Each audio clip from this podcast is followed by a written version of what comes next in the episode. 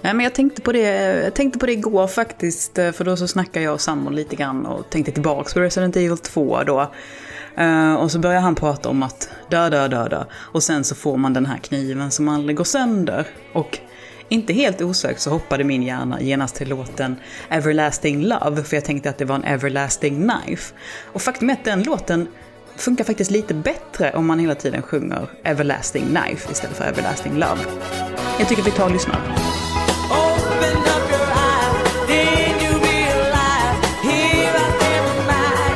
Everlasting knife. Så, nej, men det fina med det här är att den fungerar på så himla många nivåer. Alltså om ni tittar efter i lyricsen och sådär. Håller ni med?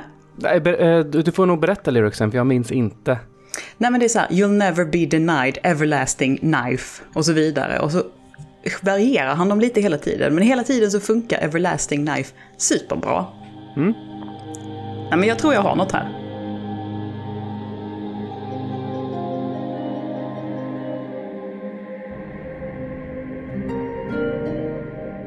För, men det är väl en jäkla tur att det här spelet inte är Breath of the Wild. Jag menar, det har ju likheten, det har ju likheterna här med att eh, det inte finns några hästar. Det är ju bra. Men, eh, men olikheterna i att vapnen inte går sönder i det här spelet då. Det är bra. Nej, alltså du har faktiskt rätt för att jag menar, i ingen av kampanjerna, jag såg inte skymten av en häst. Nej, jag säger det. inte minsta lilla häst. Men det är så här, det, din, i din version så är det så här bara, you'll always be denied everlasting horse. Precis. Tobbe får aldrig rida häst. Rolig, ja, roligt for... minne för mig för Resident Evil 2 är min, eh, min exfru har en lillebror. Och när vi blev ihop mm. så var han typ nio. Och eh, han fick låna mitt Playstation och tittade på när jag spelade Resident Evil 2. Och så kom jag fram till de delen här, han är kanske lite, lite för liten för Resident Evil 2. Men ja, han sitter med där och typ tittar upp, upp över en kudde. Och så kommer jag till den första lickern. Och han bara, åh, en H-häst! What? En H-häst? En H-häst. Och efter Vad det, är så... Äh, det är en licker.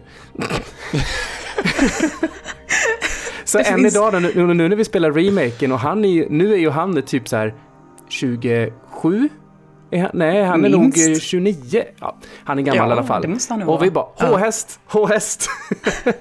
Vad är en H-häst? Hur är en H-häst annorlunda från en, en, en vanlig häst? Den H-ar mycket mer. Jättegulligt. Men jätteweird. Jätteweird. Hej och Hej och välkomna till Svamprikets, en av Svamprikets många Gotipoddar detta året. Eh, vi ska prata lite grann om Resident Evil 2, en remake som vi hoppas att alla andra remakes eh, tittar på och tänker att så vill jag också vara. För det här var ju eh, ett för jävla bra spel. Ska vi, ska vi, ta, ska vi ta den här grejen redan nu om att skillnaden mellan remake och remaster Ja, definitivt. Uh, Tobbe? Um, det här har varit en, en, en eh, skriande diskussion på våran Discord om vad som är vad här och sådär. Och jag tror att man, definitionen om vi ska definiera det här är att en remaster är att man tar så att säga gamla koden till ett spel och bara putsar upp grafiken. Alltså högre upplösning ja. på texturer och lite sådana saker. Det är snygga mer till. Snygga till, ja. Medan en remake är att man faktiskt skriver om hela spelet. Och sen finns det ju varierande grad av remake. Det finns ju, um, som det här då, uh, som typ i princip är ett helt nytt spel. Mer eller mindre. Jag skulle nästan kunna kalla det för en reimagining kanske istället.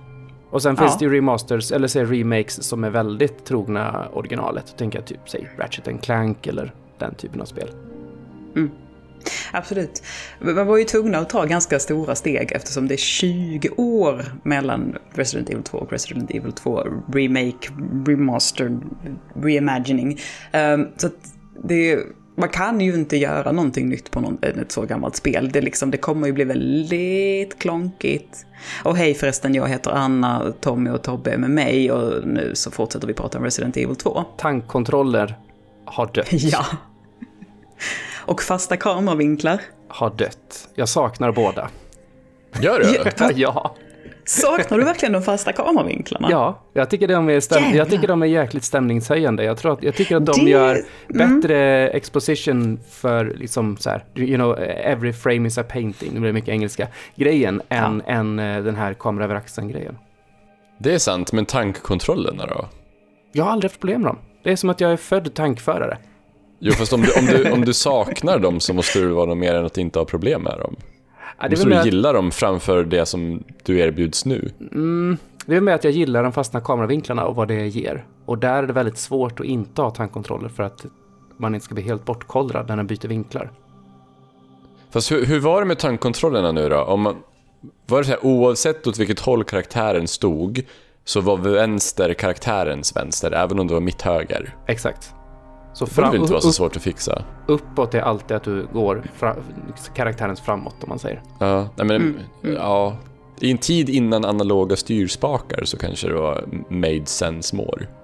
Mm, jag tänker mer att om du håller uppåt och så springer du framåt och sen så bara byter du kameravinkel, tjoff. Då är ju inte... Ja, precis. Ja, då, Mm. då kommer det ju bli problem. Då kommer man ju gå tillbaka till näst, förra, förra Precis, rummet Precis, då annars. hamnar det en evig loop där liksom så här framåt, framåt och tillbaka hela tiden.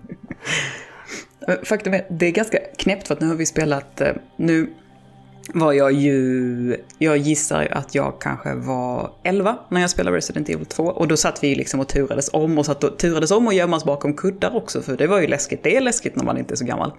Ehm, och så att jag fick sitta och titta och titta på gamla klipp för att liksom komma tillbaka lite till hur det gamla var för att ha någonting att studsa mot. För att nu har jag bara den nya tvåan i huvudet väldigt färskt. Och det var samma sak där. Som när jag spelade Grim Fandango nu för inte så länge sedan och vi även liksom klämde lite grann på gamla Final Fantasy 9. Och det är ju det här att jag hade glömt att det var fasta kameravinklar i alla de här tre spelen. För att i mitt huvud så har jag liksom vävt ihop dem till någonting flytande när det i själva verket är scen, klipp, scen, klipp, scen, klipp hela tiden. Men jag har liksom ja, sömmat ihop dem lite snyggt sådär i skallen och helt glömt att oj vad klonkigt och uh, uh, uh, det känns hela tiden. Men ja, det är väl bara en fråga om att man har vant sig av vid den flytande kameran hela tiden. Det är nog så, tror jag. Absolut. Det, det är lite intressant, så alla vi tre hade liksom en, en relation till Resident Evil 2 ti- sen tidigare. Ja, det var det som var ännu läskigare än Resident Evil 1. Alltså jag kommer ihåg, jag spelade, ju, jag spelade ju inte riktigt Resident Evil 1 för att det var ju, det enda gången jag kunde spela Resident Evil 1 var ju hos min kompis för han hade en Playstation. Jag hade inte Playstation, jag hade Nintendo 64. Så därför blev jag så himla fäst vid och glad över när Resident Evil ko- 2 kom till Nintendo 64. Åh, hade du den versionen?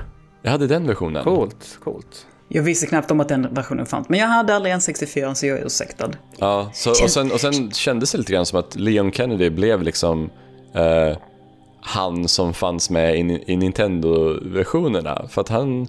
Sen, sen tror jag efter Resident Evil 2, Resident Evil 3 kom inte till Nintendo 64. Utan det var liksom bara Resident Evil det. 2. Och sen Ja. fick vi inte se det på Nintendo-konsol förrän Resident Evil 4 dök upp. Och då var Leon med igen. Så jag, är så här, Ja, jag har en sån eh, special connection med Leon. Resident Evil 2 och 3 kom eh, återutgivningar till GameCube också. I- Men Helt, kom de helt, innan Resident Evil 4? oh, vågar jag inte säga. För jag tror de kom efter Resident Evil 4. Helt utan fixar eller någonting sånt, det är bara raka portar så. Ja, ja men det, det Mm. vet jag. Men jag tror att Resident Evil, när, när när Resident Evil 4 kom så tror jag, men nu, jag kanske har helt fel.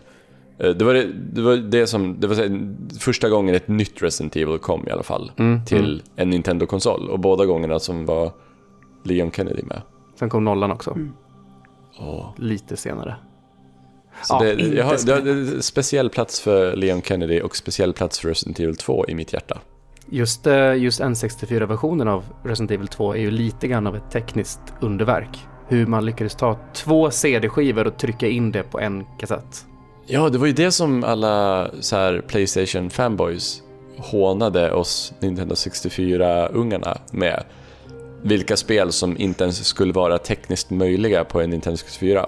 Mm. För skulle, man skulle ju kunna ta e- ett, ett Mario 64 och bara typ göra det väldigt mycket fulare och ändå kunna få med det på en, eh, på en Playstation utan Mm. så här texture filtering och sånt där. Mm. Ehm, men det skulle ju inte riktigt gå att få in ett Final Fantasy 7 till Nintendo 64. Nej, då, då kommer... Du valde den tyngsta av de andra också. Då kommer, då kommer, kan man säga så här. Det skulle nog gå, men cutscenesen skulle se ut som skit. Eller så får man, ha det, eller så får man ha det på 20 stycken olika kassetter. och det, spelet kostar 15 000 att köpa. Ja. Jag tänker så här, här har du en VOS med kompletterande cutscenes och så kan vi få den på en Just kassett. det, perfekt. Ja. Mm. Och nu så spelar du från 5.28 till 7.23. Ja, det kommer bli, så har du det kommer bli som så här cutscenen. blädderböcker man, man hade kassettband till. Så här, Exakt. pling, bytsida. Ja, När du hör det här ljudet, då är det dags att byta kassett. Jag skulle vilja, jag vill gärna fortsätta prata och studsa fram och tillbaks mellan originalspelet och remaken. Men alltså jag måste ju lyfta det här att Nej, jag ville hemskt gärna att Resident Evil 2 skulle bli en Gotipodd för att det kom så fruktansvärt tidigt på året, redan eh, jag tror det var 25 januari nu när jag läste på. Och det blir ju gärna så att de riktigt tidiga spelen, de glömmer man nästan när det är dags för Goti för att det känns som att man spelade dem året innan helt enkelt. Så att därför var jag lite extra mån om att den här skulle få komma med. Plus att jag väldigt gärna vill vara med i någon Gotipodd och då var det den här som gällde för mig. Det här är ju faktiskt det mest kritikerhyllade spelet under hela året. Ja, alltså 2019 var ju ett konstigt år på det sättet för att det här var ju det enda riktigt, riktigt bra spelet som vi på Svampriket hade spelat i hur många månader som helst. Och så kanske Glenn satt och bara sa “Baba is you” och vi bara “Ja, gulligt, men ska det komma fler bra spel snart?” Sekiro var väl nästa stora, det var väl mars-april någonstans Ja. där. Var det inte Precis. Apex Legends då? För vissa Ah, av just oss, men definitivt inte för alla. Tommy, Tommy bara “Men för mig, för mig var det så”. Ja, och för Ludde, och för Glenn, och för Jesper och för Niklas. Det är många Ja, som spelar Apex. Det får stå för er. Absolut ingen relation alls till Apex, så jag håller tyst. Eh, men, ja, men uh, fy fan i helvete vad bra det här spelet var alltså. Alltså, det var ju en hype ganska länge och folk, vi, så vi, vi som älskade originalet och har spelat väldigt mycket Resident Evil och sådär. Man vågade ju inte riktigt hoppas på kvaliteten som de gjorde med Resident Evil 1-remaken. Att det Nej, skulle kunna hända det- igen, att de skulle kunna göra det så bra. Men eh, eh, så jag gick ju in med ganska mycket skep- skepticism. Eh, och jag, jag, jag, stre- jag, streamade, jag streamade ju från eh, samma dag det släpptes. Så att jag var ju helt oförstörd om man säger så när jag gick in i det. Vilket var eh, väldigt skönt. Jag blev ju extremt glatt överraskad om över hur bra det var. Ja, det här, det är väl ganska lite så här, man ska inte säga att det råder konsensus, men överlag så känns det som att det här, många tycker att det här vida överträffar remaken på Resident Evil 1. För att det här var så fruktansvärt bra. Och det tog också, det tog ju mycket fler nya grepp, så att säga. mm. Det, ju, det står ju väldigt mycket mer fritt från, från originalet än vad Resident Evil 1 gjorde. Mm, jag tycker om balansgången mellan att, eh, alltså originalets lite så här campiness, B-filmskänsla-grejen. Ehm, den grejen med, kombinerat med, säg Resident Evil 7s lite mer seriösa ton. Ehm, att man då liksom balanserar precis mellan de två. Det får inte bli för mörkt och seriöst och inte för mycket campy, cheesy. Utan de de är precis mittemellan. Ja, eh, och det är väl också det här att ska man ha så pass... För det är väldigt, väldigt, väldigt vacker grafik i det här spelet. Och de har verkligen, liksom, där är en väldig mån om att saker och ting ska vara, se bra ut. Så har du de här väldigt realistiska karaktärerna som beter sig så jättelökigt som i originalet. Så, så blir det ju en ganska jobbig dissonans också. Ja, Det blir den här liksom Final Fantasy 15-dissonansen som bara så, åh, skär genom kött och märg. Ja, spelet använder ju samma motor som Resident Evil 7 gjorde. Så det är väl därav som att det ser ut så bra som det gör. Alltså jag undrar, är det inte... Ibland undrar jag om, om Capcom eh, är de som är bäst på att utnyttja hårdvara. För att det är likadant när de släppte eh, Resident Evil Revelations till 3DSen tror jag. Mm. Ingen annan släppte ett spel som såg så snyggt ut. Inte ens Nintendo själva släppte någonting som såg så snyggt ut. Att Det känns som att Capcom, så här, det var ju likadant med GameCube också. Liksom. De släpper så jävla snygga spel. Mm. Verkligen. Det är ingen som kan konkurrera med hur de kan hårdvara känns det som. Ja, jag tyckte det här var, var väldigt, väldigt vackert. Framförallt så, alltså när man tittar tillbaks på originalspelet också, så här, vilka enorma skillnader. Såklart, det är ju liksom 20 år sedan och så vidare, men hur de använder ljus och sådana saker och hur vi använder ficklampan. Det är ju Alltså det är ju inte bara det att det ser väldigt snyggt ut, det är ju en sån jävla stämningssättare. Och det blir ju en del av gameplayet också på ett sätt. Mm. Att det är så här, man måste att liksom hela tiden vara någonstans och vara någonstans och rikta sig och, och så vidare. Och det gör ju så jävla mycket. Gamla Resident Evil var ju ganska långsamt ändå. Eh, mm. Det var liksom inte ett hetsigt snabbt actionspel utan eh, den gömda laddningsscenen mellan varje rum med dörren ja. som öppnas till exempel och sådär. Allting det är ju borta. Det är mycket mer flödande och, och actionorienterat nu. Mm. Absolut, det, det gamla, alltså när jag satt och tittade på det och bara såhär, oj gud vad så det ser ut, det, var ju en halv, ja, det är ju mer än en halv livstid sedan. Men det känns nästan som lite mer att peka klicka är ju fel sak att säga, men det är liksom det här mm. in, rensa, tillbaks. Alltså, alltså man, liksom, man går runt och gör sina små sysslor nästan liksom på något sätt. Förstår ni hur jag menar? Ja, jag skulle säga att peka klicka är inte jättelångt ifrån hur man spelade de gamla spelen. Mm, kanske, kanske, kanske är jag on to something. Mm. Peka skrika. Peka skrika. Mm. Ja, alltså, och sen så det här att det var ju en väldigt välkommen, eh, liksom så här, för där är återigen så här en sak som peka klicka inte gör så bra i sparpunkter. Och det var ju jävligt skönt att det var uppdaterat i Resident Evil 2. För att det är en sån här gammal trökig grej som jag tror ingen gillar. Jag tror vi har växt ifrån det här med att det är väldigt gles mellan sparpunkterna. Jag tror inte det det funkar inte längre det var ju, Det var ju någonstans nästan en del av, alltså det här med survival horror blev ja. ju nästan en del av själva det, det bröt nästan fjärde väggen i de, i de gamla spelen. För att du kämpade lika mycket för att inte dö för att du blev ju så hårt bestraffad om du dog ja. i det gamla. Och det blir, ju, det blir ju en del av spelet i sig med skräck. Bra eller dåligt, men eh, det var ju något. Ja, verkligen. Ja, verkligen bra eller dåligt. Men eh, vi får ju verkligen säga att den här remaken Uh, den, den, känns ju som ett helt eget spel och det är därför den också vi kan ta upp den här som ett Gotispel. Uh, för den, den, är så himla, den är så väldigt självständig. Den lånar pussel och story och så vidare. Men allting annat känns verkligen helt nytt. Ja, och det är roligt för att det här pusslen som du nämnde nu, uh, de har ju liksom inte ändrats så mycket. Vilket jag tyckte var jättecharmigt. Mm. Ja, alltså jag, jag, jag, jag blev förvånad över hur väl de fungerade. För att mm. varken, varken 1998 eller nu så makes det no sense att en polisstation ska ha så här mycket ancient eh, Illuminati-aktiga hemliga gångar och pussel och aktivera dem med statyer och allt det där. Men om man tar det för vad det är i, i spelkontext liksom, så eh, jag, jag, blev så himla, jag tror jag blev mer involverad i pusslen nu och så hitta rätt eh, hitta rätt keycard och allt det där än vad jag var förr i tiden. Ja, jag, alltså framförallt, jag var ju, nu var jag ju så liten när jag spelade tvåan, men mm, jag uppskattar dem ju otroligt mycket mer nu för att jag bara sa att de här var ju bra. Inte en chans i helvete att 11-åriga Anna reflekterar över hur pass bra de här pusslen ändå är. Och de är liksom, i sin enkelhet på något sätt. Men det ska, behöver inte vara så jävla mycket svårare för huvudfokus är ju ändå liksom att inte få hälsenorna avklippta av en zombiejävel som ligger på golvet. Mm. Så att, mm. de, de hjälper varandra de här två segmenten. Men det var ju väldigt kul att ett var nästan eh, liksom var ganska orört medan själva skjutandet så att säga är så extremt mycket liksom förändrat och förbättrat. Mm. Ja, jag tror det var ett extremt klokt beslut av dem också. Att de tog inte bort något pussel. De skulle kunna ha tagit bort pussel för att de tänker att det skulle göra det mer göra bättre för tempo, göra det mer strömlinjeformat. Mm, Men jag tror att tempot behöver de där fickorna. Mm. Ja, och, och alltså, återigen det här att man, liksom, man rensar rum och man liksom, alltså det här att man liksom går runt och gör sina små, små sysslor. Men det ger ju också, den biten är ju kvar till en viss del, men den ger ju också ett, ett litet andningsutrymme.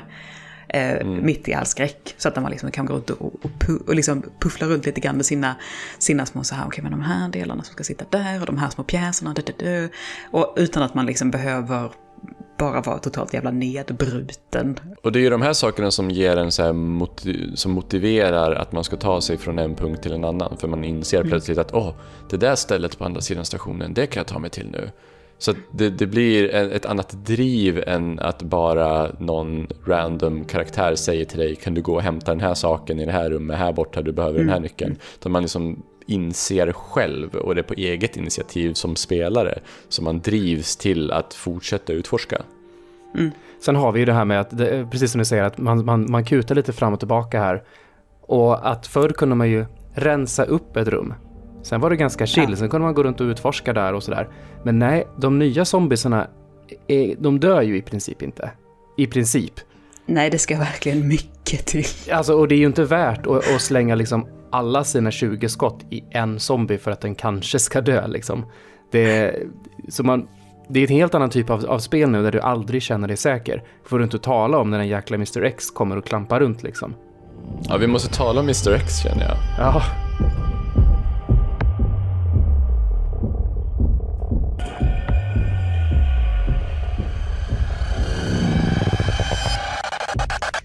Ja, vi måste ju prata om, alltså vi måste ju prata om, för att jag var ju, det var min sambo som köpte det här spelet och bara såhär, nu har jag köpt det här spelet, ja, mm, kul för dig, jag vågar inte. För alla i svampchatten säger att det är så jävla läskigt och att de har skitit knäck. Så jag kommer inte våga spela det här spelet.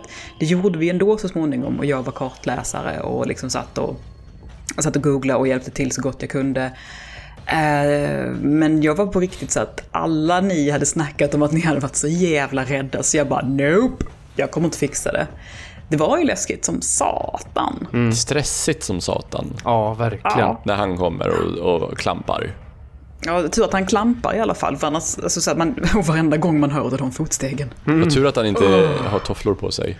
Då hade det varit Gnisslar runt ett par färgglada foppatofflor bara... Alltså jag, jag, tycker jag tycker Mr X gör, gör den här grejen typ bäst vad jag har upplevt sen Alien i, i Alien Isolation. Mm, mm. Alltså jag, har ju, jag, jag hatar eh, osårbara fiender. Eh, jag har slutat spela många spel på grund av osårbara fiender. Eh, till och med Zelda-spel. Jag slutade spela Phantom Hourglass för att Ocean King Temple hade osårbara fiender och jag blev så jävla trött på det.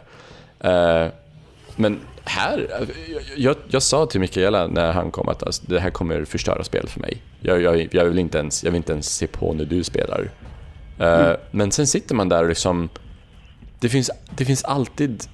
Det finns alltid ett sätt att lösa problem. Alltså det finns... Ja, Det känns, det känns att man har alltid hopp på något vis. Ja. Jag, vet, jag, vet, jag vet inte om det är bandesignen, jag vet inte, jag vet inte vad det är i designen som gör så att det, man ser alltid en väg ut från situationen på något vis. Mm. Du kan ju alltid panga ner honom också. Ja, en liten ja stund. eller man kan, liksom, man kan liksom spratta sig loss tillräckligt så att man kan liksom vinna lite mark. För att han är ju inte så snabb i alla fall. Det får man ju ge honom. Nej. Visste att man kan skjuta av honom hatten och då blir han lite irriterad? Det är sant. Man kan panga av honom hatten och då blir han lite sådär... Så är han liksom lite irriterad och Extra arg. sur. Vad kul det var om man skulle liksom så bara, han struntar i den så bara, han bara stövlar bort och hämtar hatten, sätter på sig den, Ja, sen kommer han. Det skulle ju vara bra sätt att alltid köpa tid. på hatten. Ja. Precis. Ja, nej men så här, jag, jag, jag, blir, jag blir väldigt nyfiken, för att jag spelade aldrig Resident Evil 3 på grund av Nemesis. Mm. Så Aha. jag, ska, jag är väldigt nyfiken på hur pass jag kommer tolerera det spelet. För att jag, jag hade noll kärlek för det spelet, jag slutade spela väldigt Nem- snart. Nemesis spelade jag ju ganska nyligen. Det var nu under, eh, under mina, min sk- skräck-oktober-stream-grej. Mm. Eh, och Nemesis är ju precis som Mr X i de gamla spelen. Det går ju, varje gång han kommer fram så går det ju att skjuta ner. Och eh, då får du lite eh, special-items och sånt. Eller så får du dodga. Mm. Men Nemesis är ju precis som i Mr X här. Att Nemesis jagar ju efter en mellanrum. Vilket inte Mm. någon, någon annan fiende gör. Men hur är, det med, hur är det med Nemesis? För att Mr X är ju inte påtaglig 100%. Alltså han, han kommer och sen är han borta ett tag. Mm, eh, Nemesis är likadan. Okej, men då kanske, ja, det kanske inte är så illa som jag minns det då. Fast trean är ju, ehm, det, är bre- det, det är lite mer öppet än vad tvåan är skulle jag säga. Eh, och du kommer också till val där liksom så här, ska du gå höger eller vänster för att välja liksom i en cutscene i princip. Så eh, Mm. sådana där grejer. Så det, det är lite mer öppen grenat, lite mer actionfokuserat också. Mm. Vi får se vad de gör, vad, vad de gör av det. Ja, det är ju det man tänker ganska mycket på nu. Så här att, aha, får, vi, får vi en trea också som blir lika jäklans bra och innovativ och kul så småningom? Ja, vi, vi, dat- det finns väl datum? Är inte det väldigt snart? Är det så? De släppte väl ehm, datum på eh, Games... eh, Den här eh, ut, utmärkelsegalan som de hade. Okej. Okay. Du vet, så här, sen, sen Level-tidningen slutade komma ut så, så känner jag att jag är lite lost. Jag tyckte jag, jag älskar att få den. Och bara så kunna hålla mig lite uppdaterad. Ja, jag vet det finns 3000 sajter, men det är trevligt att sitta och läsa sånt där vid köksbordet när man dricker kaffe på morgonen. 3 april 2020 släpps trean. Och då får man ju, hop- då får man hoppas, då får man hoppas att de inte bara slänger ut den för att casha in på framgångarna med tvåan. Jag tror att de, har, de måste haft det här i björningen tidigare. Mm, mm. Ja, de har väl utvecklats. Jag tror inte de bara dunkar ut detta på ett år. Det känns lite... Nej, det vore, det vore dumt. Nej. Ja, förhoppningar för trean då? Alltså kan de hålla den här nivån så är det ju... Eh, ja, extremt kul. Mm. Ja, och om, om, om, om uh, Nemesis känns scriptad, eller vad man ska säga. Att det ska finnas en mening med när han och ja, hur han och var upp. han och vad det är för kontexter och sådär. Så att det känns som att, som att, som att det finns en väg ut. Mm. Ja, och att man, eh, att man hinner liksom att det är värt. För det är ju det här, det tyckte jag var så härligt med det här spelet för att det är skräck och det är läskigt men det är inte den här nedbrytande skräcken där man bara liksom famlar runt och för att du är ju fortfarande du är ju fortfarande Leon Kennedy eller Claire då, och du är liksom såhär, jag har ju vapen, jag har ju, jag har ju grejer liksom så här, jag har en kniv som aldrig går sönder. Uh, och jag ska ta mig fan klara detta, jag ska ta mig igenom detta. Så känner man ju hela tiden. Det känns ju aldrig deppigt eller nedbrytande, utan det är så här mer triggande och peppande. Vilket jag tyckte väldigt mycket om. Jag med. Men det är ju det är en markant skillnad på den här typen av, av skräck jämfört med, eh, säg Silent Hill.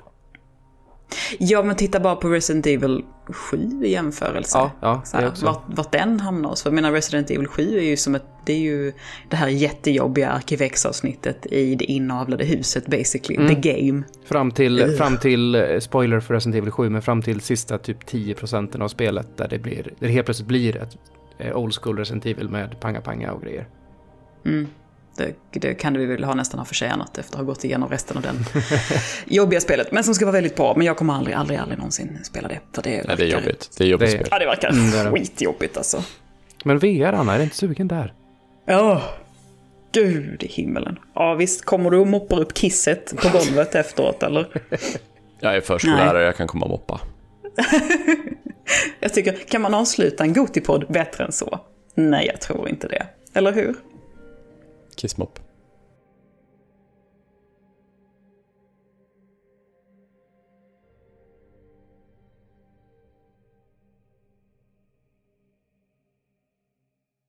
Everlasting knife.